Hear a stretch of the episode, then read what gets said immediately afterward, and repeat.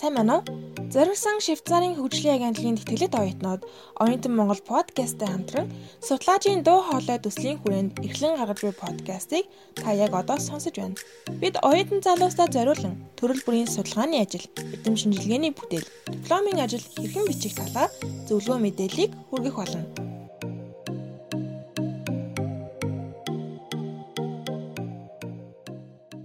За сайн байцгаана уу? Судлаачдын дуу хоолой подкастын маань ээлжид нэгэн дугаар хүрэхэд бэлэн болсон байна. Намайг мөнх гэрлэгээдэг. Намайг Раго гэдэг. За бид хоёр энэхүү дугаарыг хамтран хөтлөх болно. Дугаарын маань зочноор Японы Васада их сургуулийн докторант улс төр судлаач Бол цайх ах маань оролцож байна. За сайн байна уу? Та манай сонсогчдод өөрийгөө танилцуулахгүй юу?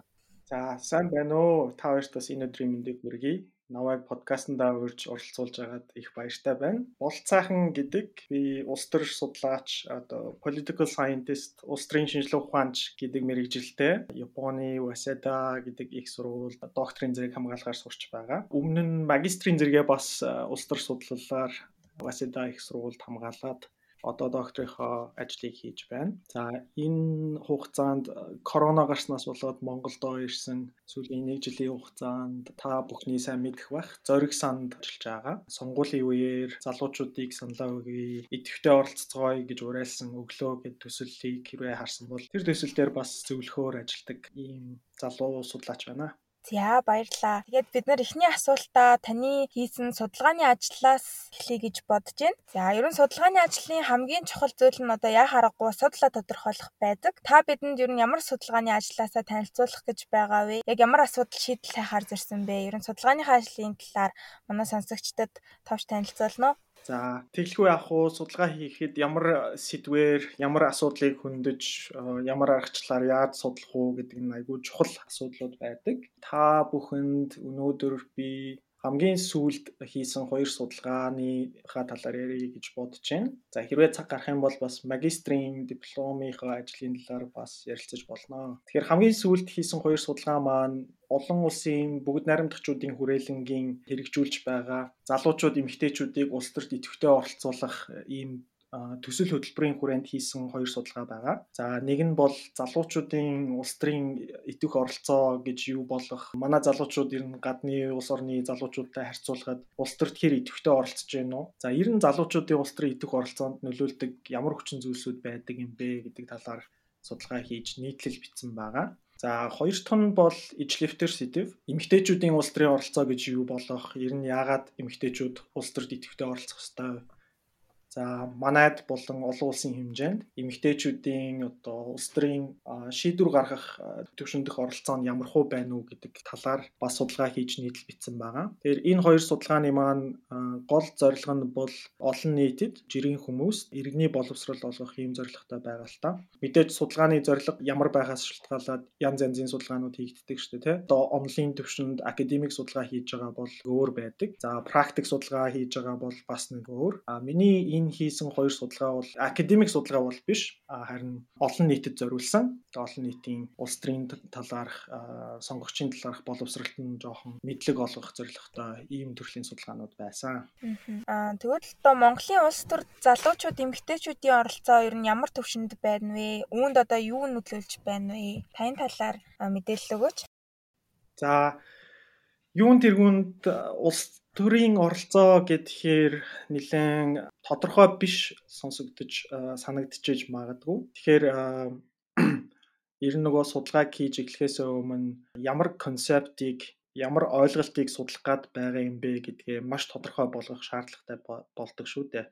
Тэгэхээр одоо улс төрийн оролцоо гэдэг маань миний судалгааны гол сэдв нь болж таарад байна тий гол концепт нь болж таарад байна. Тэгэхээр үүнийгаа мэдээж эхлээд тайлбарлах шаардлагатай. Хүмүүс үнийг одоо бусад судлаачид улс төрийн оролцоо гэдгийг яаж тодорхойлсон байдیں۔ гэдгийг бол заашгүй ярих шаардлагатай болно. Тэгэхээр концептоо эхлээд тодорхойлцоод дараа нь цаашаага нөгөөдгийгөө химжих буюу measure хийх гэж ярьдаг штэ тий. За тэгээд хэмжснийхаа дараа одоо их байна, баг байна, дунд зэрэг байна. Өмнө өмнөх жилүүдтэй харьцуулахад ихсэн байна уу, багассан байна уу гэдэг ч юм уу. Тайлбарлах гэж хэлдэг тий. Descriptive дүн шинжилгээ хийж болдог. Түүний дараа судалгааны хамгийн одоо сүүлийн үе шат гэх юм уу. Хамгийн чухал үе шат нь л да. Тэр нь бол одоо яагаад гэдэг асуултанд хариулах. Causal analysis гэж хэлдэг шүү дээ. Тэ юмны далд учир шалтгааныг нь олж ийм учраас одоо юу гэдэг залуучуудын улс төрийн идэвх оролцоо нэмэгдэж байна, буурч байна гэдэг юм уу те а гэж тайлбарлах ёстой байдаг. Тэгэхээр ингээд харахаар судалгааны үе шатууд маань хамгийн ихэндээ бол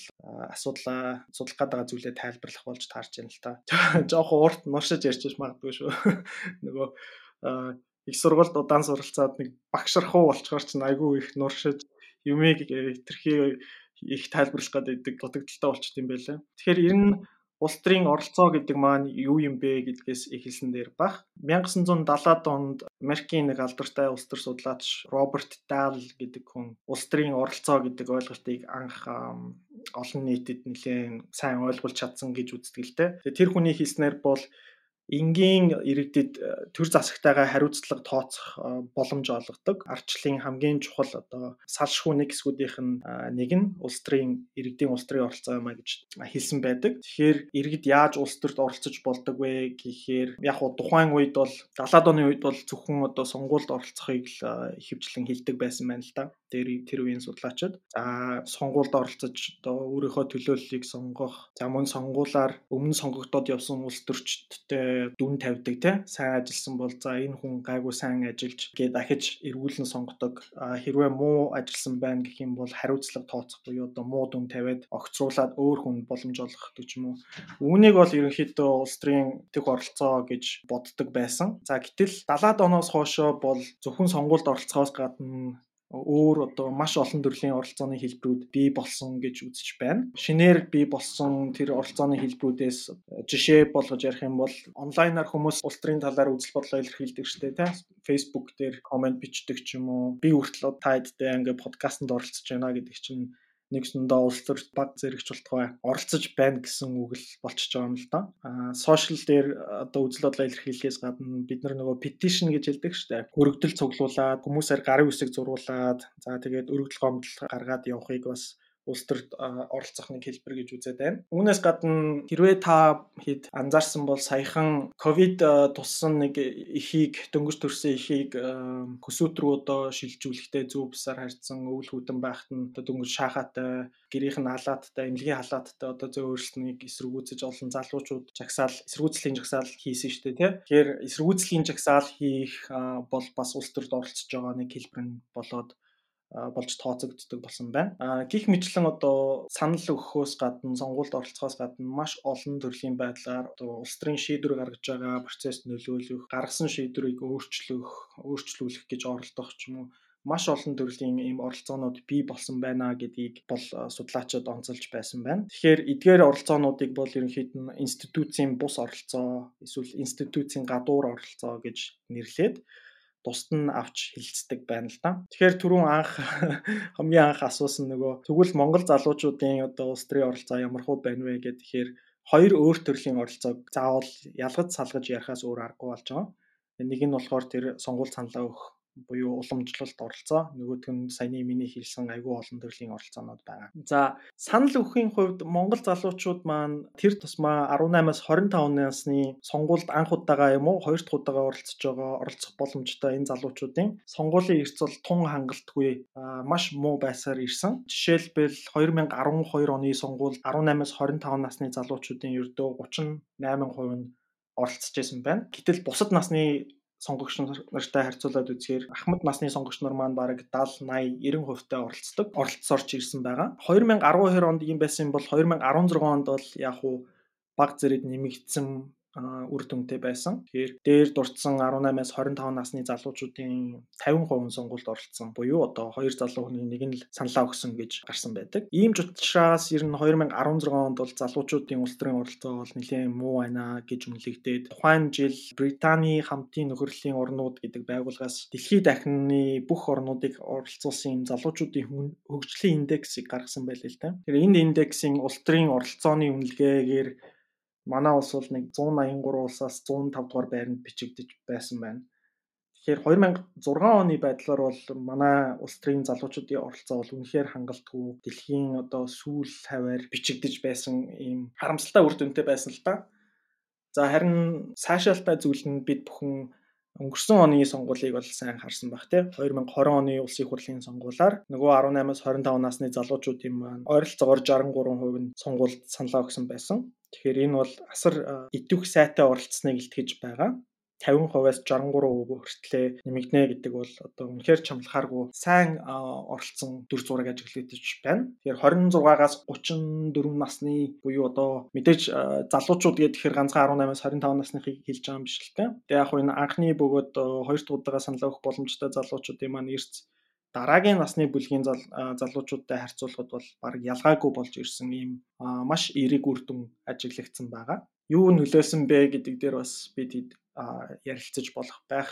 Нэгдүгээрт бол сонгуулийн үеэр маш их залуучуудыг уриалсан, залуучуудад одоо улс төрийн оролцооны талаар мэдлэг мэдээлэл тараасан иргэний нийгмийн маш олон хөдөлгөөнүүд кампайнууд бол сайн хэрэгжсэн. За тэр бол мэдээж нөлөөлсөн байх гэж бодож байна. Тэрнээс гадна мэдээж 20 оны сонгуул маань коронавитой үед хийгдснээрээ нэлээд онцлог болсон. Тэгэхээр коронавигоос болоод илүү олон залуучууд гадаадад байдаг байдаг байсан залуучууд бол Монголдо ирчихсэн байсан. Тэр бас нөлөөлсөн байж магадгүй гэж үзэж байгаа. За тэгэд ер нь товчхондоо хэлэх юм бол манай залуучуудын маань улс төрд оролцож саналаа өгөхийн хувьд сонгуульд оролцох тэр сонгуулийн итвийг нь харах юм харах юм бол өнгөрсөн жилүүдэд нэлээд муу байжгаад 2020 оноос бол маш хурдан сайжирч байгаа ийм эрэг дүн бол ажиглагдаж байна. Дэлхийн нийттэй харьцуулаад үзэх юм бол яг уу судалгаачдад тулгардаг нэг асуудал байна л да. Тэр нь юу вэ гэхээр сонгуулийн нөгөө аль бие ёсны эрсцийн мэдээллийг бол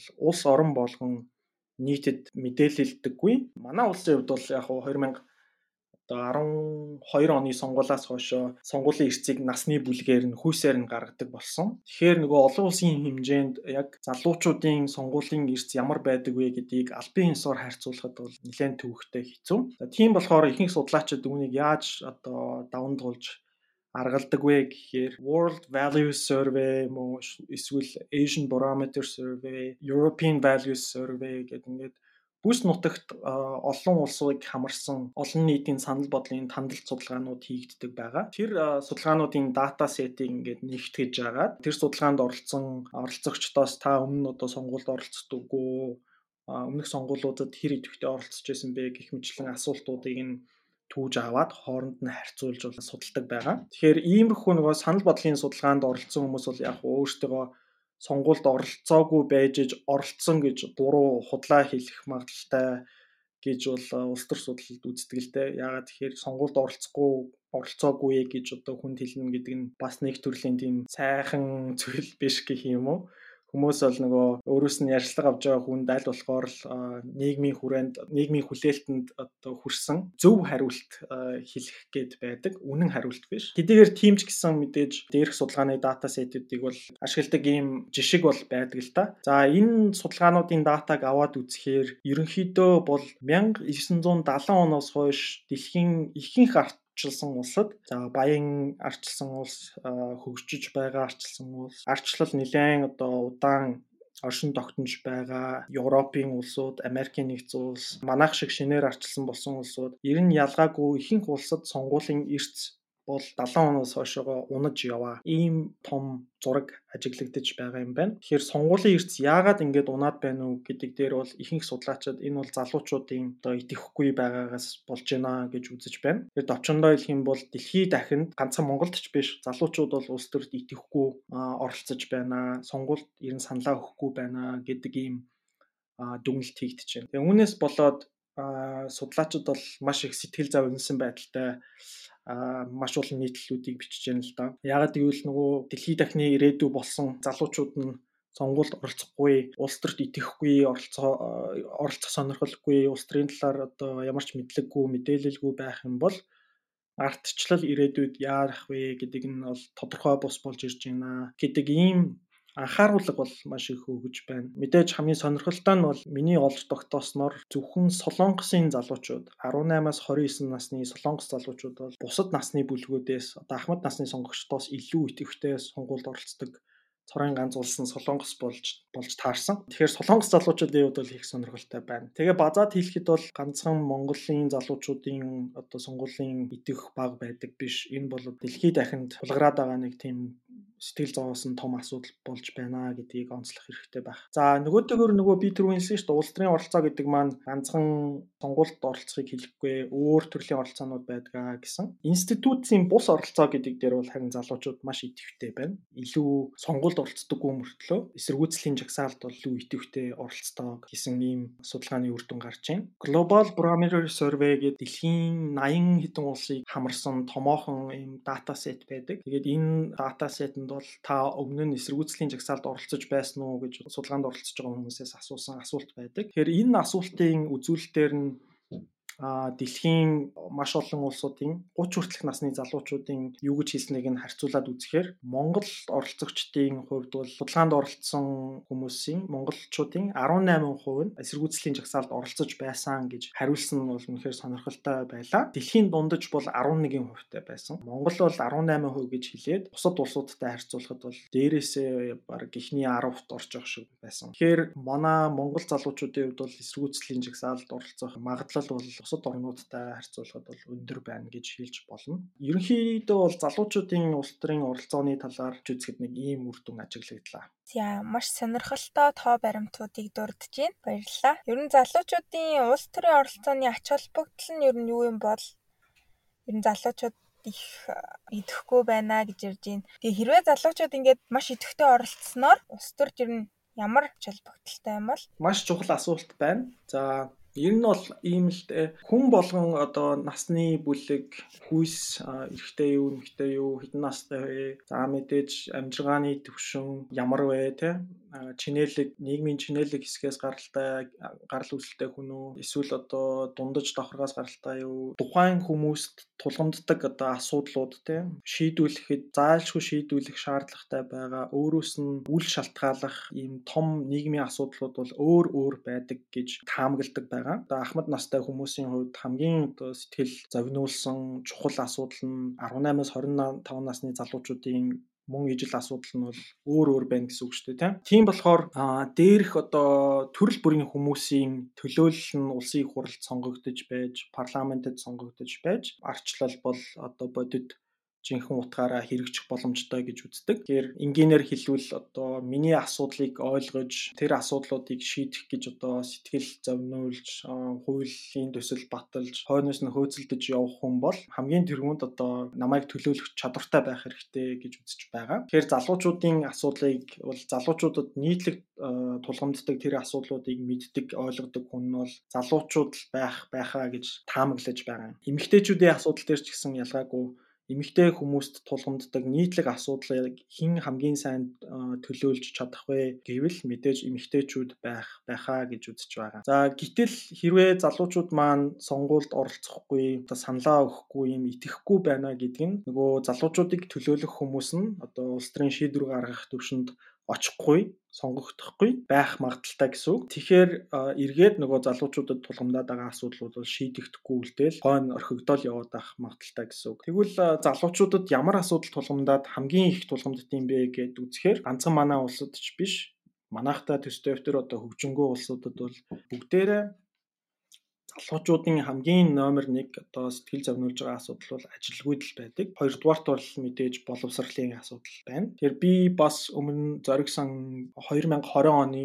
4 5 сард нэг судалгаа олон нийтийн санал бодлын хандлт судалгаа хийж үзсэн байгаа. 18-аас 25 насны залуучуудын дунд энэ судалгааг хийсэн. Тэгэхээр энэ судалгаанд оролцсон залуучуудын бол дийлэнх хувь нь тулгамдж байгаа хамгийн том асуудал юу вэ гэж асуухад ажилгүйдэл байна гэж хэлсэн байсан. Манай залуучууд судалгаанд оролцсон залуучууд маань мөн ирээдүйд гарч ирэх улсын хурлын гишүүн, улсын хурлын гишүүдийг илүү шинэ ажлын байр бий болгох залуучуудыг одоо хангалттай хөдөлмөр эрхлэхэд нь туслах тал дээр илүү анхаараасай гэж хүсэж байна гэж хэлсэн байсан. Тэгэхээр мэдээж ажилгүйдэл бол ганцхан залуучуудын асуудал биш л те. Энэ бол нийгмийн тулгамцсан асуудал. Тэ залуучуудын ажилгүйдлийн төвшин бол одоо улсын ажилгүйдлийн одоо дундаж төвшнгөөс бол залуучуудын ажилгүйдлийн дундаж төвшин хамаагүй өндөр байдаг гэдэг нь бол одоо тоо баримт статистикаар бол гарч ирж байна. Тэгэхээр залуучууд улс төрд оролцохгүй идэвхтэй байхгүй болохоор тэдний тулгамцсан асуудал шийдэгдэхгүй байна. Тэр асуудал нь юу юм хэр ажилгүйдэл байна гэж харагдаад байгаа. Залуучууд оролцвол юу өөрчлөгдөх вэ гэж асууж байна. Улс төрчид маань бол ер нь айгүй ухаалаг рационал хүмүүс байдаг шүү дээ.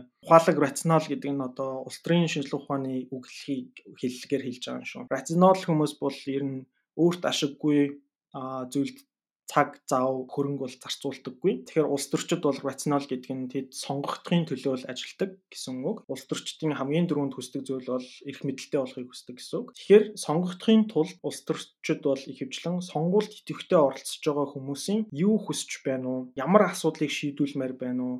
гэдэгт бол маш их ач холбогдол өгч ажилдаг гэж таамаглаж байгаа юм. Тэгэхээр сонгуульд оролцож байгаа хүмүүс нь ахмад насны хүмүүс одоо Монголд бол байдаг учраас ахмад насны сонгогчдын юу хүсдгийг бол манай улс төрчид бол маш сайн мэддэг. Тийм ч болохоор одоо байсгээл тэтгэврийн зээлийг нь тэглэн, зээл аваагууд нь сая төгрөг өгнө ч гэдэг юм уу тийм. Ахмадуудад зориулсан халамжийн бодлогыг бол маш сайн хэрэгжүүлдэг. Гэтэл эсвэргээрээ нөгөө залуучууд маань сонгуульд оролцдоггүй учраас залуучуудын юу хүсэж байгаа, ямар өөрчлөлт шинжилтийг хиймээр байгаа, тэдэнд тулгамдаад байгаа энэ ажилгүйдэл гих мэтлэн асуудалд бол ерөөсөө анхаарал хандуулахгүй байсаар ирлээ. Яагаад гэвэл ерөөсөө л залуучуудын асуудлыг шийдлээ, шийдэх гэж оролдлоо гэд залуучууд сонгуульд оролцохгүй юм чинь надад ашиггүй гэсэн ийм рационал юм шийдвэр гаргаад яваад байна л да улс төрчд маань. Тавчхандаа бол тэд манай залуучууд маань оролцохгүй бол биднэрт тулгамддаг энэ нийтлэг асуудлууд бол байнга орхигдоод шийдэгдэхгүй яваад байх аюултай л гэсэн үг юм. За бид нар бас нөгөө нэг зочныхоо Twitter хуудасаар зочилсан л та. Тэгээд нэг надад нэг ийм жирэг айгу сонирхолтой санагдсан. Ямар ч байсан Монгол ардчлал амьд байна. Залуучууд амьд байлгаж байна гэсэн байсан. За эндээс бас залуучуудын үүрэг хариуцлага бас харагж ийн гэж үзэж ийн. Тэгээд ер нь улс төрд одоо залуучуудын оролцоог нэмэгдүүлэх ер нь ямар боломжууд байна вэ? Энэ талаар ярил. За залуучуудын улс төрийн оролцоог нэмэгдүүлье гэвэл мэдээж хамгийн нэгдүгээр улс төрийн намууд залуучуудад ээлтэй бодлогын хувилбаруудыг санал болгох хэрэгтэй гэж би бол боддог. Тэр нь юу гэсэн үг юм бэ гэхээр манай их хурлын сонгуулиар бол намууд маань харамсалтай нь хоорондоо бодлогын хувилбараар бол өрсөлддөггүй гэж би боддог. Мөрийн хөтөлбөртөө бид сонгогдох юм бол ийм ийм зүйлийг хийнэ гэд амлаад ийм ийм зүйлийг хийнэ гэж амлахаас гадна яаж хийх вэ гэдгээ бас маш тодорхой судалгаан дээр шинжилгээ ухааны судалгаан дээр суурилсан байдлаар сонгогчдод санал болгох ёстой. Тэгж байж манай сонгогчд залуучууд маань намуудын улс төрчдийн улс төрчдийг хооронд нь ялгаж салгаж зөв рационал сонголт хийх боломжтой болно шүү дээ. Гэтэл харамсалтай нь манай сонгуулаар юу болдог вэ гэхээр намууд маань мөрийн хөтөлбөртөө нэг их ач холбогдол өгдөггүй. За сонгогчд маань ч гэсэн мөрийн хөтөлбөрт нь ач холбогдол өгөхгүй байх магадлал өндөртэй байдаг. За миний сонгуулийн дараах судалгаа гээд 1400 хүн оролцуулсан санал бодлын тандалт судалгааг 11-ээс 12 сард 2020 оны 11-ээс 12 сард хийсэн байгаа. Тэгэхээр энэ судалгаанд оролцсон залуучуудын маань дийлэнх нь 60 хэдэн хүн бол өмнөх сонгуулиар санал өгөхдөө тухайн намын бүрийн хөтөлбөр биш а тухайн намаас хэн дэвшиж байгаа вэ гэдэг нэр дэвшигчийг нь онцолж байгаад саналаа яаж өгөхөө шийдсэн гэж хариулсан байсан. Тэгэхээр үүнээс бол харагдчихжээ шүү дээ. Тэгэхээр яагаад сонгогч нар маань нам болон намын мөрийн хөтөлбөрт нь ач холбогдол өгөхгүй байна вэ гэхээр Миний бодож байгаагаар бол намуудын мөрийн хөтөлбөрийн агуулга маш тодорхойгүй Дээрээс нь ерөнхийдөө байдаг. Дандаа л одоо бүгд л сайн сайхан зүйлсийг амладаг. Бүгд л одоо цэвэр агаар, аюулгүй орчин, эдийн засгийн өндөр хурдцтай өсөл, байгалыг хамгаалах гэдгийг тэ авилгалыг бууруулах гэд байж болох бүх сайн сайхан зүйлсийг бүгдээрээ амлцдаг. Гэснэ хоорондоо ялгагдах зүйлгүй болчихж байгаа. Бүх зүйлийг амлчаад гол нь яг яаж тэр амлалтаа биелүүлэх вэ гэдэг нь маш том асуултын тэмдэг шиг үлдчихдэг учраас сонгогчдын хувьд мөрийн хөтөлбөрийг нь биелэхгүй байх магадaltaй худлаа юм амлаж ин гэж одоо хардаад өөрийн хөтөлбөрт нь ач холбогдол өгөхгүй өнгөрөөд байх шиг байна. Тэгэхээр түрүүн ярьсан нөгөө залуучуудын асуудлуудыг хөндөд улс суурьтай судалгаан дээр суурилсан тодорхой бодлогын хувилбаруудыг намууд маань дэвшүүлж чадах юм бол залуучуудын сонгуулийг залуучуудын саналыг өөртөө татаж чадна. Залуучуудыг илүү одоо сонгуульд идэвхтэй оролцуулж чадна гэж найдаж байна. Намаас гадна мэдээж өөр урт хугацаанд хийж чадвал залуучуудын улс төрийн оролцоог нэмэгдүүлэх боломжтой реформууд бол байна. За энэ нь бол яалтчгүй манай нөгөө боловсролын системтэй холбогдоод явчихна. Тэгэхээр бид нар хүүхдүүдийг бүр одоо бага сургууль, дунд сургуулиас нь эхлээд маш зөв хүмүүжүүлж тэр тусмаа ардчлалын талаар ерөнхий эрдмийн боловсралтай болгож төгсгмөр байна. Ихэнх өндөр хөгжилтэй байгаа орнуудад бол залуучуудад залуучууд хүүхдүүдэд зориулсан civic education гэдэг бүр тусдаа иргэний боловсролын хичээлүүдийг бол 10 жилд нь маш сайн урдаг. За манад бол нийгмийн хичээл гэдэг ерөнхийдөө урдаг. Намайг оюутан байхад бол нийгмийн хичээлээр үнэхээр олигтой зүйл урдаггүй байсан. За энэ маань сайжирч чадсан гэж бол би хэлж чадахгүй. Тэгэхээр яалтчгүй биднэрт боловсролын системдээ реформ хийх хэрэгтэй. Хичээлийн агуулгад нь өөрчлөлт оруулах хэрэгтэй. Бид нар ардчлалын түүхийн талаар дээрэс нь энэ ардчлал гэдэг маань юу юм? Ямар ямар институттэй байдгийг хэрхэн яаж ажилдгийг тэгээд иргэний оролцоо яагаад заавал чухал вэ гэдгийг хүүхдүүдэд бүр бага наснаас нь зааж сургах хэрэгтэй гэж бодож байна. Аа тэгж байж ирээдүйд бол илүү хариуцлагатай, хэрсүү, улс төрт идэвхтэй, сонирхолтой иргэдийг бэлдэж чадна гэж бол найддаг. Энэ нь бол урт хугацаанд маш чухал ажил гэж бол ойлгож байна. За дараагийн асуултаа ер нь нэмэгтэйчүүдийн улс төрийн оролцооны талаар үргэлжлүүлэе гэж бодлоо. Монгол орны хувьд ер нь нэмэгтэйчүүдийн улс төрийн оролцоо ер нь ямар төвшин байна вэ? За эмэгтэйчүүдийн улс төрийн оролцоо бол залуучуудынхаас арай жоохон онцлог, арай өөр. Яагаад тэгэхээр эмэгтэйчүүд маань бол сонгуульд бол маш идэвхтэй оролцдог. Дээрэс нь Монгол улсын нийт сонгогчдын олонхийг нь буюу 51%-ийг нь эмэгтэй сонгогчдод бүрдүүлж байгаа. Эмэгтэйчүүдээс илүү сонгуульд идэвхтэй оролцдог. За тэгсэн мөртлөө яг эмэгтэйчүүдийн төлөөлөл нөгөө улсыг хуралдах юм уу эсвэл одоо шийдвэр гаргах өндөр албан тушаалтнуудын дунд аваад үзэхээр маш бага байна. Их хурлын маань 76 гишүүн гишүүний 13 нь буюу одоо 17.3% нь л эмэгтэйчүүд байж э, таарлаа. Тэгэхээр энэ бол дэлхийн дунджаас 7.6%-аар бага байгаа гэдгийг би дээр дурдсан нийтлэлтэй бол э, хэлж өгсөн байгаа. Тэгэхээр энэ үзүүлэлтээр э, одоо парламентэд эзлэх эмэгтэйчүүдийн хувь гэдэг энэ үзүүлэлтээр бол манай улс 180 улсаас 122-д бичигдсэн харамсалтай гэх юм уу бүр оо шок нормоор ийм дүр зураг ажиглагдаж байна. Тэгэхээр манай улс бол одоо Хойд Солонгос, Тажикистан, Сауди Араб гэх мэтлэн одоо ийм арчилсан бус дэглэмтэй ийм улсуудаас ч одоо долоонд ор дуугар байна гэсэн үг шүү дээ. Эмэгтэйчүүдийн шийдвэр гаргах төвшин тохиролцоог нь харах юм бол. За үүнээс гадна би бас нийтлэлтэй бичсэн байгаа. Манай улсын түүхэнд нэг ч эмэгтэй хүн одоо аймаг нийслэлийн засаг дарга, ерөнхийлөгч, ерөнхий сайд, сангийн сайд гих мэтлэн албан тушаалыг бол хашиж байгаагүй. Тэгэхээр яагаад Монголд эмэгтэйчүүдийн энэ оролцоо үнэхээр юм хангалтгүй чамламар байгаад байна уу? Ер нь яагаад эмэгтэйчүүд оролцох ёстой вэ гих мэтлэн асуултанд хариулсан бол судалгааг бол хийж нийтлэл бичсэн байгаа. За маш сонирхолтой мэдээлэл өгсөнд баярлалаа. Бидэнд ерөн судалгааныхаа үр дүнгээс танилцуулбал ерөн судалгааны ажлаа дүгнэлт хэлбэл судалгааны ажлын маань гол үр дүн бол мэдээж эмэгтэйчүүдийн оролцоо маш муу байна гэдгийг нэгт харуулсан Монголд. За үүнээс гадна олон улсын хэмжээнд бусад судлаачид өмнө нь ямар судалгаа хийж байсан бэ гэдэг literature review гэж хэлдэг тийм баримт бичгтээ танилцаад ерөнхийдөө ихэнх судлаачид одоо ямар учир шалтгаанаас болоод эмэгтэйчүүдийн улс төрийн оролцоо бага байдаг вэ гэдгийг юу гэж үзэж байна вэ гэдгийг нь бол олж тогтоосон байгаа. Хамгийн чухал одоо эмэгтэйчүүдийн улс төрийн оролцоонд сөргөөр нөлөөлж байгаа зүйл нь бол хүйсийн уламжлалт хэв хэмжээ буюу одоо уламжлалт соёл эмэгтэйчүүдийг гэртээ суугаад гэрээ цэвэрлээд хоол ундаа хийгээд хүүхдээ асраад байж ах ёстой. А эрэгтэйчүүд бол гарч яваад одоо улс төр нийгмийн амьдралд идэвхтэй оролцох ёстой гэсэн ийм хуучинсаг үзэл одоо хүртэл байсаар байгаа нь эмэгтэйчүүдийн улс төрийн одоо шийдвэр гаргах төвшөнд бол сөргөөр нөлөөлж байна гэдгийг онцолсон байгаа. Яаж тэгвэл эмэгтэйчүүдийн энэ оролцоог сайжруулж болох вэ гэдэг дээр бол үндсэндээ мэдээж суур шалтгааныг нь одоо өөрчилж чадах юм бол буюу одоо энэ соёл өөрчлөгдөх юм бол илүү одоо гендрийн тэгш байдлыг эрхэмсэн соёлтой болж чадах юм бол урт хугацаанд бол эмэгтэйчүүд эрэгтэйчүүдийн улс төрийн оролцоо бол ижил болох боломжтой.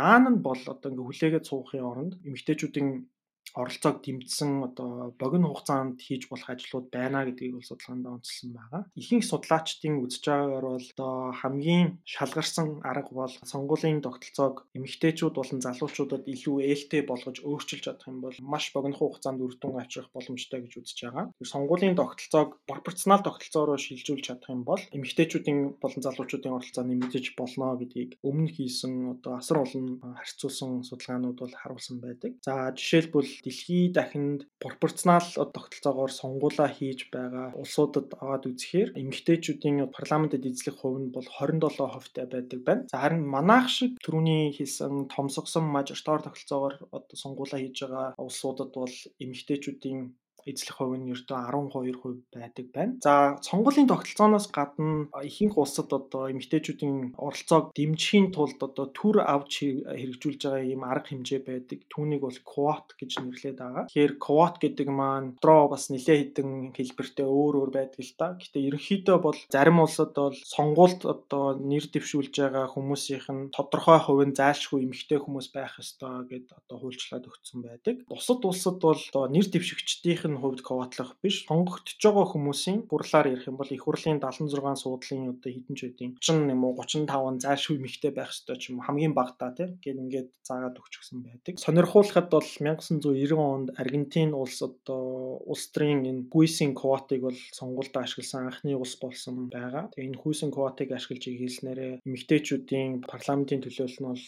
17%-аар өссөн ийм эрэг үр дүн байдаг. За өнөөдөр бол ойролцоогоор дэлхийд дахин 60 гаруй улс бол ямар нэгэн байдлаар ийм хүйсийн квотыг ашиглаж байна. Дээрх улсуудыг аваад үзэх юм бол ихэнх нь намаас нэр дэвшигчдийн эмэгтэйчүүдийн төлөөлөл нь зайлшгүй 30% байх ёстой гэж үзэж байгаа. За харин Монгол улсад бол хүйсийн квотыг бол ашигладаг. Гэхдээ манайхд бол намын нэр дэвшигчдийн хамгийн багадаа 20% нь эмэгтэйчүүд байхаар хуульчилж зохицуулсан байдаг. Харамсалтай нь манай улс төрийн намууд маань энэ 20% гэдгийг хамгийн багадаа гэж ойлгохгүй байх шиг байна. 20% ба түүнээс дээш хувь нь одоо эмэгтэйчүүд байх ёстой гэж хуульчилсан байхад манай намууд бол хамгийн ихтэй 20% юм шигээр ингээд бодоод 20%-аас дээшээ бол ерөөсөй гаргадаггүй. Энэ нь бол айгүй харамсалтай байна. За мөн дэлхийн жишгийг дагаад энэ 20% гэдгээ бол нэмэх зайлшгүй шаардлагатай байна.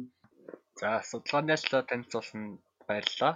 За тэгэхээр та өнөөдрийг хүртэл бас нэлээд хэдэн судалгааны ажил хийж ирсэн байсан. Тэгэхээр судалгааны ажил хийхэд тулгамдж байсан асуудлууд тэдгэрийг хэрхэн шийдсэн Амн нийтлэг оюутнуудад тулгардаг бэрхшээлийн талаар оюутнуудад ингэ зөвлөгөхгүй юу? Тэгэхээр судалгаа хийхдээ одоо хамгийн түрүүнд энэ сонгож авсан сэдвэр маань бусад эрдэмтэд судлаачид яг юу бичсэн юм бэ? Яг юуг олж мэдсэн? За тэдний олж хараагүй, мдээгүй, орхигдуулсан ямар зүйл байна вэ гэдэг дээр нь маш их судалгаа хийх шаардлагатай болсон л доо. Тэр нөгөө судалгааны ажлаа бичгээсээ өмнө маш их уншиж судалж орхигдуулсан зүйлсүүдийг нь олж харах. За тэгээд тэрэн дээр нь одоо өөрийнхөө contribution хийх буюу шин зүйлийг өөрийнхөө шин санааг дэвшүүлэх, дэвшүүлэхийг зорж ажилласан гэх юм уу. Бэрхшээлийн хувьд бол тийм оюутны дөнгөж эхэлж байгаа хүний хувьд бол сонирхож байгаа сэдвийнхаа талаар хангалттай мэдлэг мэдээлэл байхгүй. Өмнө бичигдсэн судалгаа болгоныг бол уншина гэж байхгүй шүү дээ. Одоо маш олон судалгаанууд гарсан байдаг учраас. Тэгэхээр асар их цаг ордог. Хаанаас эхлэхээ мэдтгүү юу уншихаа мэдтгүү ийм цаад бэрхшээл бол байдаг байсан л да. Энийг яаж даван туулсан бэ гэхээр мэдээж багштайгаа л маш сайн ажиллах хэрэгтэй. Дипломын ажлыг хариуцаж ажиллаж байгаа багш багшийн үүрэг оройл бол маш чухал байдаг юм байна лээ. Манай багшаар бол Мариса Келлем гэдэг Америкийн UCLA-г төгссөн Барбара Гаррис гэдэг Ахмад багш байдаг. Одоо тэтгэвртэй гарч байгаа нэг эрдэмтэн байдаг. Тэр эрдэмтний бол гарынхын шав шав нь одоо миний дипломын ажил дээр бол зөвлөхөр ажиллаж байсан. Тэгээ тэр багшаас бол очоод за багшаа би нэг иймэрхүү сэдв сэдв сэдвэр бол дипломын ажлаа бичтiin билүү гэж бодоод байгаамаа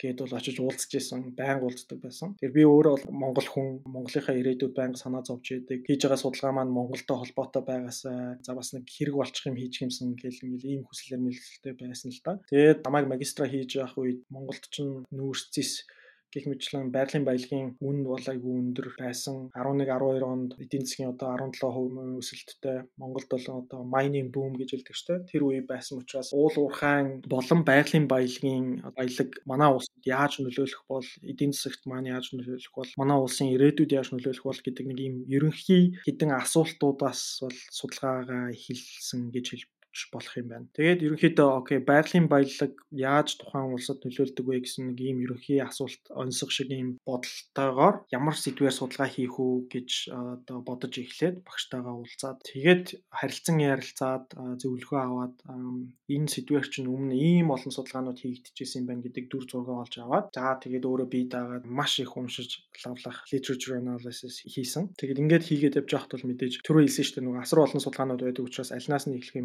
мэдэхгүй тийм тохиолдлууд бол гардаг. Үүнийг бас даван тулсан арга нь юу вэ гэхээр танаа сонсогчдод хэрэг болж магадгүй ирээдүйд хэрвээ дипломын ажил ч юм уу хийх гэж байгаа бол сэдвээ сонгоцсон. Гэхдээ тэр сэдвүүдээрээ одоо өмнө ямар ажил хийж ирснийг мэдэхгүй. Тэгээд хитрхи их цаг хугацаа зарцуулж ингээд нийтлэл болгоныг судалгаа болгоныг нэг нэгээр нь уншиж яснаас literature review өмнө нөгөө нэг эрдэмтдийн тухайн сэдвийг одоо ингээд ерөөхдөө нь том зургаар нь хараад базаад өмнө хийсэн судалгаануудын одоо ач холбогдол үр дүн тэгээд орхигдсон зүйлс нь юу байна уу ирээдүйд юу хийх шаардлагатай байна уу гэдгийг ингээд нэгтгэсэн ийм review article-уудыг олж унших нь маш их цаг хэмндэг юм байна гэдгийг бол ойлгосон шүү. Эднэрийг бол манай улс төр судал дээр бол annual review of political science гэх бүхэл нэг шинжлэх ухааны журнал байдаг. Миний ойлгосноор бол сэтгэл судлал, социолог, антрополог, бизнес гэд бүхэл сэдвүүд дээр бол annual review гэдэг тухайн жилдээ гарсан бүх судалгаануудыг багцлсан ийм журналууд бол байдаг гэж ойлгосон. Тэгэхээр Google дээр үзээрэй ийм журналаар ороод тэр сэдвэрээ гарсан тэр review артиклуудыг бол уншчихад маш их цаг хэмнэх юм билээ. За баярлалаа. Тэгэхээр оюутнууд маань маш үнэтэй мэдээлэл өгч чадсан байхаа гэж найдаж байна.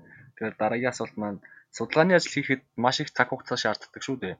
Тэгвэл энэ цаг хугацаагаа хэрхэн зөв төлөвлөж чадвал илүү үр дүнтэй байх вэ гэдэг талаар оюутнуудад зөвлөхгүй да. Зөв зөв. Яг ус ямар судалгаа хийж байгаасаа шалтгааллах байх. Зарим хүмүүсийн хувьд бол нөгөө сэдвээ олох, за тэгээ судалгааны асуултуудыг асуултуудаа олох зөв асуултуудыг төвшүүлэх гэдэг ч юм уу тэр зүйлүүд дээр одоо маш их цаг гаргадаг. Зарим хүмүүс бол аль хэдийнэ тэр тэр одоо анхын шатны наа захын энэ асуудлуудаа бол мэдчихэдэг. Юу хийх гээд байгаагаа ойлгочихсон. Ийм хүмүүс бол шууд яаж судлахыг хүсэж байгаа концепт хэмжих үү, те measurement ч юм уу, хаанаас ямар дата цуглуулах уу, ямар аргачлал хэрэглэх үү гэдэг ч юм уу энэ нөгөө нарийн ширгийн судалгааны процесстой илүү анхаарлаа хандуулаад цаг зарцуулаад явждаг юм шиг байна. Аа миний хувьд бол нөгөө суурийг нь сайн тавьж өгөх хэрэгтэй болов гэж бодож байна. Тэр нь юу юм гэхээр зөв асуултаа асуух хэрэгтэй. За тэгээд айгүй реалистик байх хэрэгтэй юм болов уу гэж ойлгосон. Магистрийн төвшөнд диплом, бакалаврын төвшөнд диплом бичих гэж байгаа хүүхдүүдэд одоо хэдхэн сарын хугацаа байхад хитрхи том судалгааны асуулт асуучдаг. Маш өргөн хүрээний хариулахад асар эдрээтэй хэцүү асуулт тавьчаад тэгээд дипломын ажлаа бичиж эхлэх юм бол маш их цаг хугацаа орно. Эхнээсээ одоо өөрөө айгүй реалистик байгаад окей надаа 2 сар байна, 3 сар байна. Энэ хугацаанд бол би хариулж болохоор судалгааны хариулт судалгааны асуултыг асуух хэрэгтэй юм байна гэд айгүй реалистик байсан дээр гэж бол бодож байна. Тэгвэл хэрвээ бас жоохон анхаарахгүй бол хитрхи амархан асуулт асуух юм бол тэр бол маш үр дүнгүй судалгаа болох эрсдэлтэй шүү дээ. Хариулт нь ямар байлаа гэд хинт ч хамаагүй тийм чухал биш асуултыг бол бас битгий асуурай гэж зөвлөе. Яг энэ дундыг нь олох юм баланслах гэдэг бол өөрөө бас их чадвар шаарддаг юм шиг байна. Тэгэхээр ямар асуулт асуухаа мэдхийн тулд хүн өөрөө өмнө нь юу яригдсан юм бэ? Бусад судлаачид ямар ямар ололтыг олсон, ямар ямар онлыг дэвшүүлсэн, ямар ямар судалгаануудыг ямар аргачлалаар хийж исэн бэ гэдгийг нь бол маш сайн мэдчихэж л хүн өөрөө яг тэр дундаас нь хэрэгтэй contribution хийх боломжтой гэсэн үг л дээ. Тэгэхээр миний хувьд судалгаа бичиж эхлэхээс өмнө хэрвээ одоо магистр сурч байгаа бол баг бакалаврт байхдаа сонирхож байгаа сэдвэрээ байнга одоо түрүүний хэлдэг review артиклуудыг уншиж авах хэрэгтэй. Тэр тусмаа одоо ширээний дуртай одоо ширээний ном гэдэг шиг ширээний судалгаатай байх хэрэгтэй. Бакалавр магистрийн оюутнуудад бодоод байхад судалгаа хийж сурах, судалгааг маш сайн хийж сурахад хамгийн чухал зүйл бол нөгөө бусад судлаачдын хийсэн судалгааг давтаж хийх буюу replication хийх. Тэндээс бол одоо маш их зүйлийг сурдсан шүү дээ. Одоо орчин үед тоон судалгаанууд бол их ихэнх тоон судалгаанууд бол өөрсдийнхөө датаг за тэгээд хэрвээ статистикийн програм хэрэгэлсэн бол код кодоо тий олон нийтэд түгээдэг гэх юм уу тий хинт хүссэн оюут нь бол тухайн судалгааны сайт руу н ороод датаг нь татаж аваад кодыг нь execute хийгээд ямар үр дүнг яаж гаргасныг нь өөрөө replicate хийх боломжтой болчихсон байна. Тэгээ миний хувьд бол залуучуудад хандаж хэлэхэд хэрвээ бүр учраа болохгүй хэцүү байгаа бол өөрт чинь таалагдж байгаа гоё сонирхлыг чинь татсан, гайхшруулыг чинь төрүүлсэн тийм судалгааг олж аваад дата сетийг нь татаж аваад яг дуурайгаад хийгээд үзэх хэрэгтэй. Ер нь хүн дуурайж иж ямыг сурдаг гэдэг шүү дээ. Тэгээ би realistic надад олгогдсон цаг хугацаа маань хэр байгаа вэ? За дээрэс нь миний ур чадвар юу вэ гэдгийг бас мэдчих хэрэгтэй. А зарим судалгааны асуултуудыг бол үнэхээр маш амаргүй хялбаргүй дата ашиглаж иж нэлээд судалгааны гүнзгий аргачлал хэрэгжилж байж хариулахаас өөр аргагүй тийм асуултууд бас бас асуугаад хэрэггүй шүү гэдгийг те. Хэрвээ үнэхээр чадвар нь байгаа бол тийм асуултууд бас байж болно. За тэгээд хамгийн эцсийн хэлэх зөвлөгөө бол багштайгаа сайн тулж ажиллах хэрэгтэй. Хэрн ментор чинь хэн байхаас бол ихэнх зүйл шалтгаалдаг шүү. За судалгааны ажилд судалгааны арга аргачлал маш чухал байдаг. Ямар арга аргачлал ашигласнаас үр дүн маш их хамаардаг шүү дээ. Тэгвэл таны хувьд сонирхолтой ч гэдэг юм уу эсвэл мэдэх ёстой гэсэн тийм арга аргачлал байвал бидэнд хаваалцаач. Та хэдэд байгаа маань тэгээ ихтэй сургуулийн оюутнуудад маань бол ерөнхийд нь заагаад өгчөж байгаа хэл та. Одоо юу гэдэг нь тоон судалгааны аргачлал, чанарын судалгааны аргачлал гэдэг ч юм уу ингээл ойлголт бол ерөнхий ойлголт өгчдөг байх. Тэгэхээр би тэрэн дээр нэг одоо нушаад явах уу. А ерэн зүгээр ямар аргачлал хэрэглэхээсээ илүүтэй судалгааны аргачлалуудын гол логикийг, гол философиг нь аягүй сайн мэдэж ойлгох хэрэгтэй гэж бол зөвлөе. Шинжлэх ухааны философийн одоо ном зохиолуудыг аягүй сайн уншиж явах хэрэгтэй. Карл Попперийн талаар Попперийн хэлсэн одоо falsification буюу шинжлэх ухааны онол гэдэг маань өөрөө няцаагдах боломжтой байх ёстой гэдэг нэг ийм зарчим байдаг шүү дээ. Тэрийг тэрнтэй сайн танилцах хэрэгтэй яагаад тэр хүн тэгж хэлээд байна вэ гэдгийг нь попер тэгж хэлж байхдаа хинт хандаж хэлж исэн бэ гэдэг тэр контекстыг нь бас ойлгох хэрэгтэй гэж бол бодож байна. Ер нь альва нөгөө нэг юм түүхэн эрдэмтдийн дэвшүүлсэн санаа, аргумент эднэрийг бид нар уншихдаа тухайн нөхцөл байдалд ямар түүхэн контекстэд одоо энэ хүн ингэж бичсэн юм бэ гэдгийг нь сайн ойлгож авах хэрэгтэй. Яагаад гэвэл эрдэмтэд судлаачдын дэвшүүлээд байгаа аргумент онолууд бол хизээч одоо зүгээр вакуум дотор бий болдог юм биш. Судлаачид маань судалгаа хийнэ гэдэг чинь хоорондоо харилцсан ярилцж байгаа зүйлийг л хэлээд байгаа байхгүй юу. Тэгэхээр би судалгаа бичихтэй өмнө бичсэн хүмүүс маань энэ сэдвээр юу хэлсэн юм бэ гэдгийг нь мэдчихээд тэгээд тэдний хоорондоо ярилцсан яриан дээр нь би нэмж хажуугаас нь ярианд нь оролцох гээд шүү дээ тий. Тэгэхээр би бас би ийм олж мэдсэн шүү гэдгээ тэднэрт хуваалцах байгааг хэлж байгаа. Тэгэхээр судалгааны аргачлал гэж юу вэ? Яаж одоо энэ ийм аргачлалуудыг ямар сэдв дээр хэрхэн яаж хэрэглэх вэ гэдэг ийм яриа маань хүртэл өөрөө бас л ийм харилцан яриа болчихж байгаа эрдэмтдийн дунд хийсэн яриануд. За би сая falsification-ы талаар зүгээр жишээ аваад ярьж байна. Нөгөөтэйгүр одоо маш энгийн боловч хүмүүсийн ойлгоогүй болоод одоо судалгааг судалгаан дээр айгүй том алдаа гаргадаг ойлголт бол correlation тий correlation буюу альва хоёр хувьсагч альва хоёр зүйл бие биентэйгээ давхцах гэх юм уу тий correlation-ыг бол causation буюу одоо нэг зүйл нөгөө зүйлийг бий болгох тий нэг зүйл нөгөө зүйлийн далд мөн чанар нь байх гэдэг энэ хоёр ойлголтыг хооронд нь ялгаж салгаж сурах хэрэгтэй байгаа юм л та. Correlation does not mean causation гэдэг одоо бүр англиар хэл зүг шиг болчихсон. Тэгэхээр судалгаа хийж эхлэх гэж байгаа хүн болгоны заавал мэдэх ёстой ойлголт байдаг. Монголд одоо корреляц гэдгийг юу гэж орчуулдгийг би мэдэхгүй байна л да. Судалгааны одоо илүү нарийн гүнзгий арга гаргачлалын талаар сурч эхлэхээс өмнө ерөнхий нөгөө ойлголтуудаа маш сайн авсан байх хэрэгтэй шүү гэж зөвлөе. Epistemology гэдэг хүн яаж мэдлэг бий болгодог вэ гэдэг философийн том салбар байдаг. Тэгэхээр тэрэнд хийгдсэн сонгодог бүтээлүүдтэй бас танилцаад авал зүгээрээ гэж хэлмээр байна. Дэвид Хьюм гэдэг Шотланд Кантын одоо сэргэн мандалтын үеийн том философч байсан. Дэвид Хьюмийн inductive method буюу одоо туршлага дээрээ суурилж ямар нэгэн дүгнэлт хийх аргыг яагаад асуудалтай гэж үзэж байна вэ гэдгээс эхлээд шинжлэх ухааны аргачлалын талаарх нь түүхэн судалгаануудтай, түүхэн бүтээлүүдтэй танилцж чадах юм бол юу хийгээд байна вэ? Би юун дээр алдаа гаргаж магадгүй вэ гэдгийг бол маш сайн ойлгох боломжтой. Миний зүгээр анзаарснаар ийм нөгөө суур мэдлэгээ дуу авчгаад шууд судалгааны нарийн аргачлал руу ингээд өсрээд орчихсон хүмүүс бас жоохон учир дутагдaltaй харагддаг л та.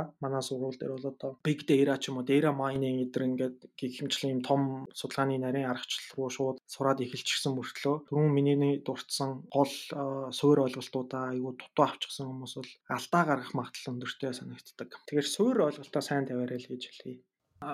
Миний өөрийн зүгээр хувийн туршлагаас харахад судалгааны надад бол судалгааны ажил хийхэд хамгийн хэцүү байдаг юм нь зөв асуултууд асуух. Тэгэхээр хариулж болох боломжтой шинжлэх ухааны аргачлалаар хариулж болох боломжтой тийм асуулт асуухаас зөв асуулт асуухаас бол судалгаа явуулъя. За дээрэс нь энэ асуултанд хариулснараа тий so what гэдэг нэг асуулт байдаг л та. Тэгээд за окей чи ийм асуулт асуугаад эндээ ийм юм аргачлал хэрэглээд, ийм дата сет хэрэглээд, ийм туршилт хийгээд үр дүн гаргалаа. Тэгээд юу гэж гэж одоо энэ хамгийн чухал асуулт байдаг. Ямар ч одоо implication буюу одоо үр дүнгүй ач холбогдолгүй тийм үр дүнтэй ийм судалгаа бодол аль болохоор хийхгүй байх хэрэгтэй гэж зарим судлаачид бол одоо хэлдэг л дээ. Манай багш бол тэгж бас зөвлөдөг байсан. Өмнө хийсэн судалгаануудтай маш сайн танилцаад тэдний одоо орхигдуулсан тэр өнцгийг олж харах шин зүйл, шин мэдлэг бий болгоно гэдэг бол үнэхээр чухал ажил юм аа гэж зөвлөмөр байна.